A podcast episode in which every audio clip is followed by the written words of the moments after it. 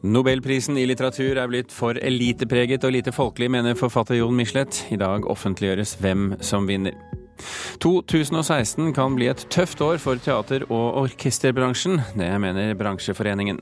For våre medlemmer så betyr dette et, veldig vanskelig år. Og Tradisjonelt teater har mye å lære av tegnspråkteater, mener regissør Bentein Bårdsson. I kveld har Teater Manu premiere med Holbergs Den stundesløse. Og Utenfor mitt studio nå så sitter Anette Trettebergstuen fra Arbeiderpartiet, som om noen minutter går i debatt med kulturminister Toril Vidvei her i eh, Kulturnytt. I dag offentliggjøres hvem som får Nobels litteraturpris, altså. En pris mange mener burde vært mer relevant, folkelig og kontroversiell. Forfatter Jon Michelet syns Nobels litteraturpris er i ferd med å bli tannløs. Det har vært lite trøkk i prisen og lite ja, Ingen er i fyr og flamme over det som har skjedd. Nobelpris i litteratur skal tildeles den franske forfatteren Patrick Modiano. Jon Michelet bruker fjorårets tildeling som eksempel på det han kaller en lite folkelig engasjerende pris, og slik hørtes det ut da NRKs Atle Bjurstrøm og litteraturkritiker Marta Norheim dekka prisutdelinga i fjor. Marta Norheim, jeg har sjelden vært så glad i deg som jeg er akkurat nå, for han har ikke jeg hørt om. Nei, og jeg vil si dette var en veldig overraskelse. Altså, eh, Når det gjelder Modiano, så skal jeg være ærlig med deg og si at jeg har aldri lest en bok av han. Nei. Prisen har blitt uh, litt mer sånn elite preget enn den var. Det var større rom for mer folkelige forfattere tidligere, som Steinbeck, Hemingway Nei, Litteraturprisen er jo åpenbart en slags forfatternes forfatterpris, som eh, folk ellers ikke er så veldig opptatt av. Direktør ved Institutt for fredsforskning, Christian Berg Harpviken, mener litteraturprisen har potensial til å bli relevant for flere. Litteraturprisen er en pris som kunne ha global appell, men som ikke har det. Veldig ofte så møtes den med en skuldertrekk selv av anmelderkorpset, som så veldig raskt går til eh, telefonene sine for å prøve å finne ut hvem dette er. Det er klart at Da vekker man ikke den store globale entusiasmen. Nobelprisen har vært rotfesta i et eh, politisk instinkt, en forståelse av hva som rører seg i samtida. Og dermed så er også den globale interessen til stede. Nobels fredspris for 2009 skal tildeles president Barack Obama for hans ekstraordinære innsats. Den wow-effekten og debatten som tildelinga av Nobels fredspris har skapt enkelte år, er det Harpviken og Michelet savner. Ukjente navn som kinesiske Mo Yan og svenske Thomas Tranströmer blir fortamt i forhold til tidligere vinnere som Doris Lessing og Gabriel Garcia Marquez. Det er mulig å gjøre sånne valg som virkelig begeistrer verden. Come gather round people wherever you're roam. Bob Dylan er et godt eksempel, mener Michelet. Han har vært foreslått til uh, Nobelprisen, og selv om jeg ikke liker han så godt, så syns jeg det hadde vært et fint grep, for det ville vise at man også kan gi kred til en, uh, en forfatter som da har uh, sunget, laget og skrevet sanger som, som mange er veldig glad i.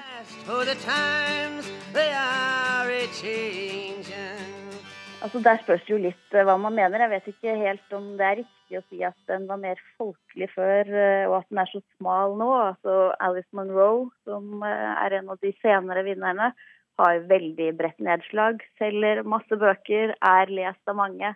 Er en av vår tids mest omtalte forfattere. Så jeg er ikke helt sikker på om, om det stemmer at den var så veldig bred og folkelig før, og at den er så fryktelig smal nå.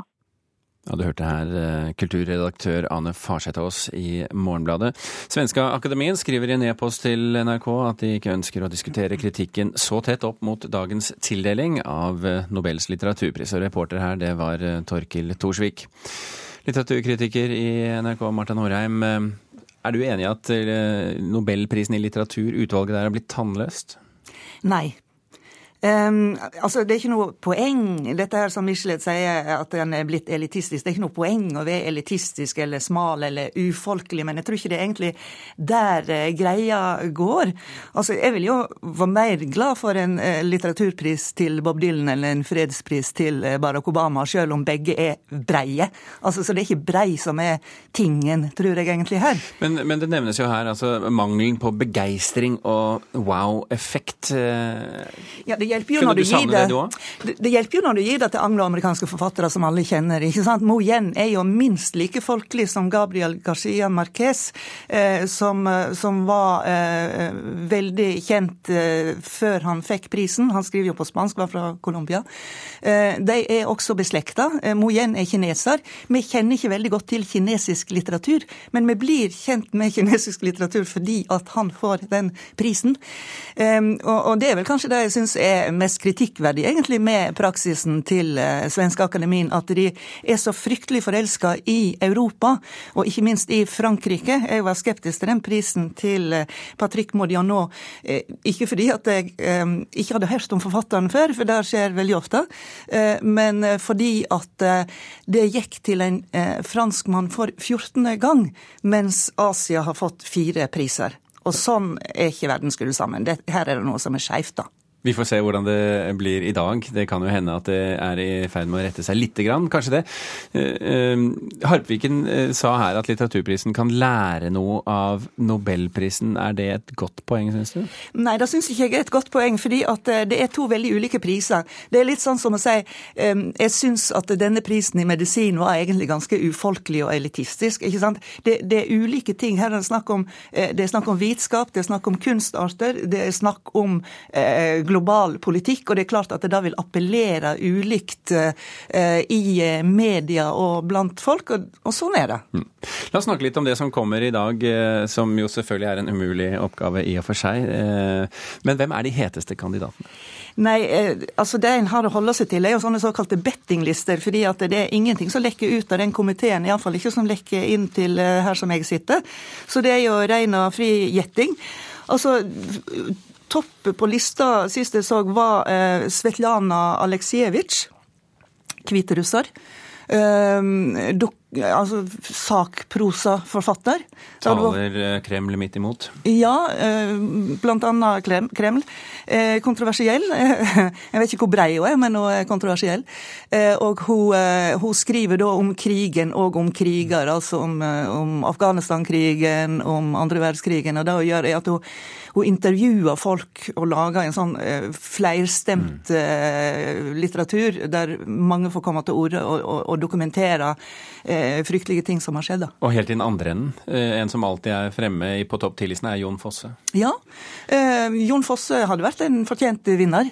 Eh, jeg tror ikke han får den ennå, rett og slett fordi at det er så mange seniorer på lista som de kanskje må gi prisen til eh, før det blir for seint. Altså, de har jo også en tradisjon for å komme for seint. Doris mm. Lessing fikk han da var 88 år og sa 'too late', og det er du helt riktig i. Eh, så det kan godt hende at han skal få lov til å vente noen år til, men det er klart hvis han får prisen, så er jo det kjempemorsomt. Da har Norge, da har Norge, fi, nei, da har Norge fire priser nøyaktig like mange som uh, Asia. Og et stykke på vei til Frankrike. Marta Norheim, klokken ett i dag altså, så offentliggjøres det. Takk for at du kom til oss.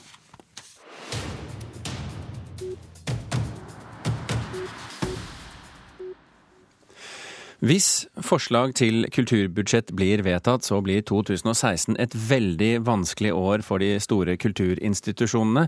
Det mener Norsk teater- og orkesterforening. Og da regjeringen presenterte sitt eh, budsjett i går, trakk kulturforsker Lars Håkonsen frem Operaen, Det Norske Teatret og de andre store institusjonene rundt om i landet som taperne i kulturbudsjettet. Med Den Norske Opera varsler administrerende direktør Nils Are Karstad Lysø lite gladsang i tiden som kommer. Dette utgjør for oss eh, med økning i eh, pensjonsutgifter ca. 20 millioner kroner fra i år til neste år. Så dette er en betydelig eh, innstramming i vår økonomi som gjør at vi må se på hva vi har råd til å, produsere neste år. Økningen i kulturbudsjettet er på 3,5% Dette er så godt som identisk med den generelle økningen i statsbudsjettet. For de fleste av de store institusjonene er økningen imidlertid langt mindre, konstaterer operadirektør Nils Are Karstad. Vi ser jo at det er en, en økning som er mindre enn den eh, forventa lønns- og prisveksten i samfunnet. Og Sånn sett innebærer det en innstramming i vår eh, økonomi. Blant de store sakene da kulturbudsjettet ble lagt frem i går, var avviklingen av knutepunktordningen, som har støttet noen utvalgte festivaler og institusjoner.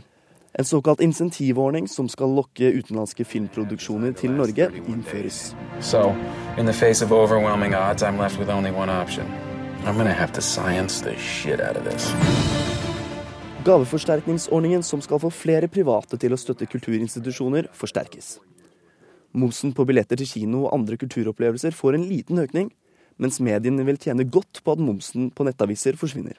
Hva de store institusjonene angår, var kulturforsker Lars Håkonsen overfor NRK i går klar på at de kommer dårlig ut. Så jeg vil jo tro at det vil bli en relativt utfordrende situasjon i den delen av kulturlivet. Så, så de er vel muligens da taperne i totalen her. Direktør i Norsk teater- og orkesterforening, Morten Hjelten, vil ikke snakke om vinnere eller tapere men er klar på at 2016 vil bli et vanskelig år for mange institusjoner innen teater og orkestermusikk. For våre medlemmer, vi fokuserer først og fremst på dem, eh, så betyr dette en, en, et, et, veldig vanskelig år. Vi registrerer at, eh, at, kulturministeren på en måte anerkjenner våre pensjonsutfordringer i tekst i dette budsjettet, men ikke i tall. Og når i tillegg selve rammene våre eh, blir enda strammere, så kommer dette til å, å, bety at mange av de store institusjonene må kutte betydelige beløp i 2016. Eh, og i institusjoner som våre så betyr det årsverk og eller kunstneriske produksjoner. Det er ikke veldig mye annet eh, å, å gå løs på. Reporter i denne saken det var Magnus Lutnes Aas og Jarl Nymo. Kulturminister Toril Vidvei, er det de store institusjonene som eh, kommer dårligst ut av budsjettforslaget ditt? Vi mener at de store institusjonene også må omstille seg. Dette er jo ikke tatt ut av løse lufta. Eh, kulturutredningen som den forrige regjeringen nedsatte og fikk eh, motta, den viser jo og sa at eh, også den kostnadsveksten som har skjedd under Kulturløftet, det er en stor strukturutfordring for institusjonene. Så dette er helt klart at det er en del av de områdene som man må gå inn i, og de har en stor oppgave med å få til omstilling. Men er ikke store problemet til de store institusjonene pensjons- og lønnsutgifter? Nettopp. Det er pensjonsutfordringer. Det er ikke bærekraftig. og Dette er et spørsmål som partene i arbeidslivet har ansvar for, og det bør de absolutt gå inn i, og det gjør de. Men syns ikke du det er rimelig at staten tar, pensjon, eh, tar eh, høyde for lønns- og pensjonsutgifter? Det har vært sånn at eh, pensjonsutgiftene har man i under Kulturløftet også fått eh, tatt høyde for, at man har gitt mer og mer, men det løser ikke de strukturelle utfordringene som disse store institusjonene har. Og det er jo f.eks. NRK er et glitrende eksempel på at de har tatt tak i pensjonsutgiftene. De fikk til en mer bærekraftig eh, pensjonssystem for framtida, og det er også de store institusjonene nødt for å gjøre. Så dette er riset bak speilet? Nei, Det er ikke ris bak speilet. Dette er et kulturbudsjett som har en stor vekst framover. Og vi har lagt også i år har vi klart å øke budsjettene. Du, det er jo ikke sånn som Arbeiderpartiet og LO her påstår, at budsjettet har en nedgang og at det er et budsjett som er en fallitterklæring. Det er det ikke. Vi får høre med Anette Berg Tretteberg, Anette Trettebergstuen, kulturpolitisk talsmann for Arbeiderpartiet. Hvordan syns du de store institusjonene kommer ut av dette budsjettet? Nei, Det er riktig som de sier. Jeg syns kulturministeren må lytte til kulturfeltet for en gangs skyld, når de sier at dette budsjettet betyr i realiteten for mange av dem reelle kutt. Nettopp fordi at veksten på de fleste områdene i kulturbudsjettet er så liten at den spises opp av lønns- og, og prisveksten, og kommer til å gå utover den produksjonen som f.eks. orkestrene har. Og pga. pensjonskostnadene i mange av institusjonene, så vil dette bety en nedgang i aktivitet og reelle kutt. Så er det sånn at andelen som brukes av statsbudsjettet på kultur, går i år igjen ned. Vi er nå tilbake på 2008 nivå. Vi bruker 0,8% av statsbudsjettet på kultur. Men veksten et, ja, er 3,5 mot ja. 3,6 i det totale budsjettet. Det er ikke så veldig stor forskjell? Nei, men du må se på at her har vi en regjering og et statsbudsjett som regjeringen bruker ekstremt mye oljepenger. Alt i statsbudsjettet vokser, men kulturen får minst. Og Det er jo nettopp poenget, for vi har her en regjering som bruker 200 svimlende milliarder mer nå over statsbudsjettet enn det vi gjorde da vi gikk av. Men kulturen taper, og regjeringen viser at de prioriterer ikke fordi kulturen står stille. Veldig mange områder får kutt. Og det er en helt ærlig sak å si at man ikke vil prioritere kultur, men da vi styrte i åtte år, så dobla vi budsjettet til kulturen. Vi skapte glød og liv og røre i hele landet. Den... Men også dere ville fått problemer med lønns- og pensjonsutgifter? Jo, men det, det, handler jo om, handler om eh, å prioritere det. Det er nettopp derfor det er viktig at også disse, disse områdene får en reell vekst. Slik at man kan håndtere de kostnadene samtidig som det ikke går utover produksjonen. Dette kunne vi sikkert dvele lenge ved. Vi går videre likevel, eh, for der dukket opp et nytt ord eh, i går, moromomsen. Eh, Regjeringen foreslår altså en momsøkning fra 8 til 10% på kulturtilbud, som kino, museer, fornøyelsesparker og for så vidt også NRK. Vidvei, dumper du regningen for skattekuttene over på kulturbrukerne her? Nei. Eh, for det første så er dette eh, henger sammen med den skattereformen som man eh, inviterer til. Dette var en del av Scheel-utvalget som la fram. De foreslo faktisk 15% på denne momsen skulle økes til. Altså Vi har en moderat økning fra regjeringen fra 8 til 10 La meg gi meg noen eksempler. Kjøper du en billett skal inn på Nasjonalmuseet, så vil det altså ha en økning på én krone. Går du på kino, så har det en økning på to kroner. Skal du på Lerkendal på fotballkamp, så må du kanskje øke billetten med seks kroner. Jeg tror de aller fleste har anledning til å bære det. Og så må du huske på at i det statsbudsjettet som også er lagt fram, så er det altså reduksjoner. Ni av ti får skattelettelser, så dette vil jeg sterkt tilbakevise. Det som er viktig, det er at med dette romslige eh, budsjettet som vi faktisk også har lagt fram på kultur, så har vi funnet rom for å gjøre en god del prioriteringer. Vi finner altså rom for å styrke mediepolitikken, noe som Arbeiderpartiet satt åtte år med hendene i fanget og ikke gjorde noen ting på. Vi fremmer altså, vi har fått til en plattformnøytralitet på produksjonsstøtta. Vi fremmer Al altså forslag at det ikke spiller noen rolle om du momsen. publiserer på papir eller, eller, nett? Riktig. Og vi har altså nå en ambisjon om å få til å innføre dette med nullmoms. Og vi satser på filminsentivordning. Vi klarer å få til styrkning av bibliotekene. La, la oss ta en ting av gangen her, Vidvei. La oss ta Trettebergstuen. Dette med plattformnøytral eh, moms, det er vel en fin ting? Ja, absolutt. Det, det, støtter vi. Og filminsentivordningen var jo også varslet. Så det skulle bare mangle at ikke den blir fulgt opp med penger i budsjettet. Det er mulig at vi vil ha en litt bedre og litt annen ordning. Det kommer vi tilbake til. Eh, men det er klart at det er mye bra i budsjettet. Eh, min kritikk mot regjeringen og kulturbudsjettet går nettopp på det at man prioriterer ikke kultur så mye som man burde. Kulturen får ikke del av den veksten som resten av statsbudsjettet får ta del i. Eh, så mener jeg at på ett felt eh, der regjeringen eh, hadde lovet, eller i hvert fall varslet at de kom til å gjøre noe, der leverer de ikke. og Det handler om kunstnerøkonomi og de sosiale og økonomiske utfordringene som kunstnerne står midt oppi. Men gjorde der, dere der, det da dere satt i regjering? Altså vi, for å si det sånn, Verden var ikke perfekt i 2014 da vi, da vi gikk av, men vi prioriterte kultur i åtte år. og vi hadde, vi hadde en plan for veien videre også. Men kunstnerlønningene var ikke akkurat noe å hoppe Nei, i taket for? Nei, derfor så anerkjente vi også at, at, vi kom til å trenge å ta et stort jafs og gjøre noe mm. der. Det mener jeg at uh, Vidvei er nødt til å levere på. Det gjør de ikke. Å kalle den bitte lille økningen uh, til kunstnerøkonomi som ligger i statsbudsjettet på 13 millioner, uh, hvorav noe går til kunsthaller, som er infrastruktur, for en satsing, ja det mener jeg på grensen til frekt på vegne av alle kunstnerne som, som, ser, ser, som står og lever med en real nedgang i inntekter. Er du frekk, eh, Videvei? Nei, dette er jo en oppfølging av det som vi har sagt vi skal gjøre. Vi er opptatt av at kunstnerne skal få bedre levekår. Vi starta med det for inneværende års budsjett, og vi fortsetter med det. Men 13 millioner er jo ikke akkurat noe å skryte Det er en god start for å kunne klare å starte på noen av de områdene som man må gjøre. I tillegg så satser vi på kulturnæring. Det er en vesentlig del. Vi jobber veldig med forenkling av byråkratiet, som var et annet område som man kunstnerutredningen har påpekt at man må gjøre noen ting med. Det er mange elementer man skal ta. Jeg bare konstaterer at det var et område som Arbeiderpartiet, på tross av at de dobla altså innsatsen på kulturområdet fra 5 til 10 milliarder kroner, så var de ikke med på å gjøre noen ting for denne gruppen. Så hvis vi skal snakke om frekkhetens nådegaver, så tror jeg at det skal adresseres et annet sted enn til nåværende regjering. Og ikke minst eh, så skal det adresseres en annen gang, fordi at vår tid er over her. Eh, Trettebergstuen, dere sitter nå og filer på deres forslag, og det mm. kommer når da? Vi kommer til å legge frem vårt alternative statsbudsjett eh, om eh, om kort tid. og det er ingen tvil om kort tid, Er det en time, eller er det en nei, dag eller en uke? Noen, noen, uker til. Noen uker til. Ja, okay. så Vi skal jobbe med dette, men vi lytter til kulturlivet, i motsetning til statsråden, som lytter mest til de private. Det får bli siste ordet her. Toril Vidvei ler av den kommentaren, og vi går videre i sendingen.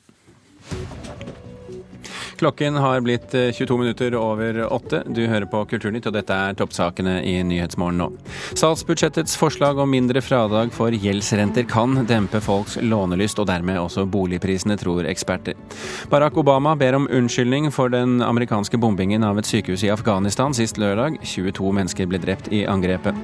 Og de ekstreme islamistene i IS utnytter flyktningrutene og planter soldater i Europa. Det hevder journalist Marok Ali i sin nye bok trusselen fra IS. For tolv år siden overrasket regissør Pål Øye de fleste med filmen 'Villmark', ansett som Norges første skrekkfilm på kino. I morgen er det premiere på oppfølgeren, som har den sjangertro tittelen 'Villmark 2'. NRKs filmkritiker Birger Vestmo syns den er gjennomgående klaustrofobisk og uhyggelig, men kunne skremt mer.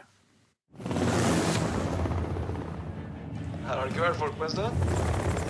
Vi har tre døgn på å gjennomsøke 312 rom og fire kilometer med asbestisolerte rørgater. Villmark 2 er en frittstående oppfølger til regissør Pål Øyes thriller fra 2003. Historiene har kanskje ingenting med hverandre å gjøre, men den gjennomførte klaustrofobiske atmosfæren er omtrent den samme. Gode skuespillere i skumle omgivelser, fanga inn av gnistrende foto med effektiv klipp og stemningsskapende lyd, gjør filmen gjennomgående uhyggelig. Villmark 2 har den rette ramma, men den store skrekken uteblir, merkelig nok. Jeg ser at det er skummelt, men føler det ikke like sterkt. Historien er ikke tydelig nok på hva vi skal frykte. Sanatoriet ble aldri formelt stengt, bare overlatt til han som var vaktmester her. Akkurat som i den originale Villmark foregår handlinga på et isolert sted i skogen. Et arbeidsteam spilt av Ellen Dorrit Petersen, Anders Baasmo Christiansen, Thomas Nordstrøm, Renate Reinsve og Mats Sjøgaard Petersen inntar et nedlagt sanatorium for å forberede rivning. De får motvillig hjelp av den merkelige vaktmesteren Carl, spilt av Bård Ove, men snart begynner det å skje ting som tyder på at de ikke er helt alene i den store bygningen. Jeg trodde bygget var tomt. Filmens anslag er svært effektivt, med kjappe, gode presentasjoner av både figurene, deres forhold til hverandre og oppdraget de skal utføre. Handlinga har god flyt og fremdrift i denne fasen av filmen. Når skumle ting begynner å skje, venter man bare på en ytterligere eskalering av skrekken, men så tar det aldri helt av. Filmen består av en lang rekke små hint om hva som foregår, men spenningskurven flater ut. Det fins noen topper, men Villmark 2 kun gått enda hardere til verks med å skremme oss. Hvor mange tusen tror du ikke har dødd her, da? Flere av Norges beste skuespillere er med i ensemblet, og sjøl om de ikke har fått de dypeste rollene å bryne seg på, sørger de for at kvaliteten er god foran kamera. Det gjør i høyeste grad òg produksjonsdesigner Martin Gant og den hovedsakelig ungarske staben, som har skapt marerittaktige filmkulisser i Budapest, som skal forestille det norske sanatoriet innvendig. Det er mørkt, dryppende, truende og ubehagelig, og matcher de utvendige opptakene gjort på Harastølen i Luster. I de her omgivelsene sys det sammen en vond historie som tidvis gir frysninger på ryggen, men sjelden får meg til å skvette. Villmark 2 kun med fordel ha skremt enda hardere, men er en solid sjangerfilm, dyktig regissert av Pål Øye, som viderefører sin stilsikre skrekk fra villmark og skjult. Bare historien burde gått det ekstra lille skrittet for å matche uttrykket. Og Villmark 2 ble anmeldt av eh, Birger Vestmo. I kveld er det premiere på det profesjonelle tegnspråkteatret Teater Manus' største satsing noen gang, Den stundesløse av Ludvig Holberg. Regissør Bentheim Bårdsson er en av landets mest erfarne sceneinstruktører, og han har merket seg at timingen er særlig krevende når man setter opp komedie på tegnspråk. Ja, Det er en stor utfordring, i hvert fall for oss hørende som er vant til taleteater. Men det som er det fantastiske med tegnspråk, det er at du kan si mange ord ved et par tegn. Så Sånn sett så er det et veldig raskt og et hurtig scenespråk. Og det gjør det også veldig anvendelig til komedie. Men hva er de største utfordringene, vil du si? Ja, først og fremst så er det jo det at eh, når man skal gåseøyne oversette fra en tekst som er nokså omstendelig, og som er 300 år gammel, så er det klart at det må en del gjendiktning til, og det må tas en del valg. Fordi at hele teksten skal da egentlig kokes ned, eller destilleres ned til ganske få tegn. Men det er så vitalt. Den prosessen er så spennende. Så jeg føler at jeg har lært veldig mye i dette teatret som jeg kan ta med meg inn i taleteatret. Hva da, f.eks.?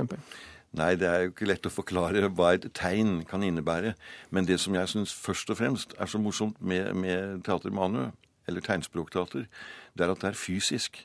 De er helt avhengig en mimikk, altså bruke ansiktet, bruke hendene, bruke hele kroppen for å få replikken klart frem. Og det er jo noe som jeg ofte kanskje savner i talteatret, At vi er litt daue fysisk.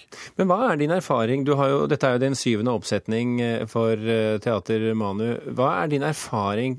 Kommer det mest folk som eh, daglig bruker tegnspråk, eller er det også hørende som kommer på disse forestillingene?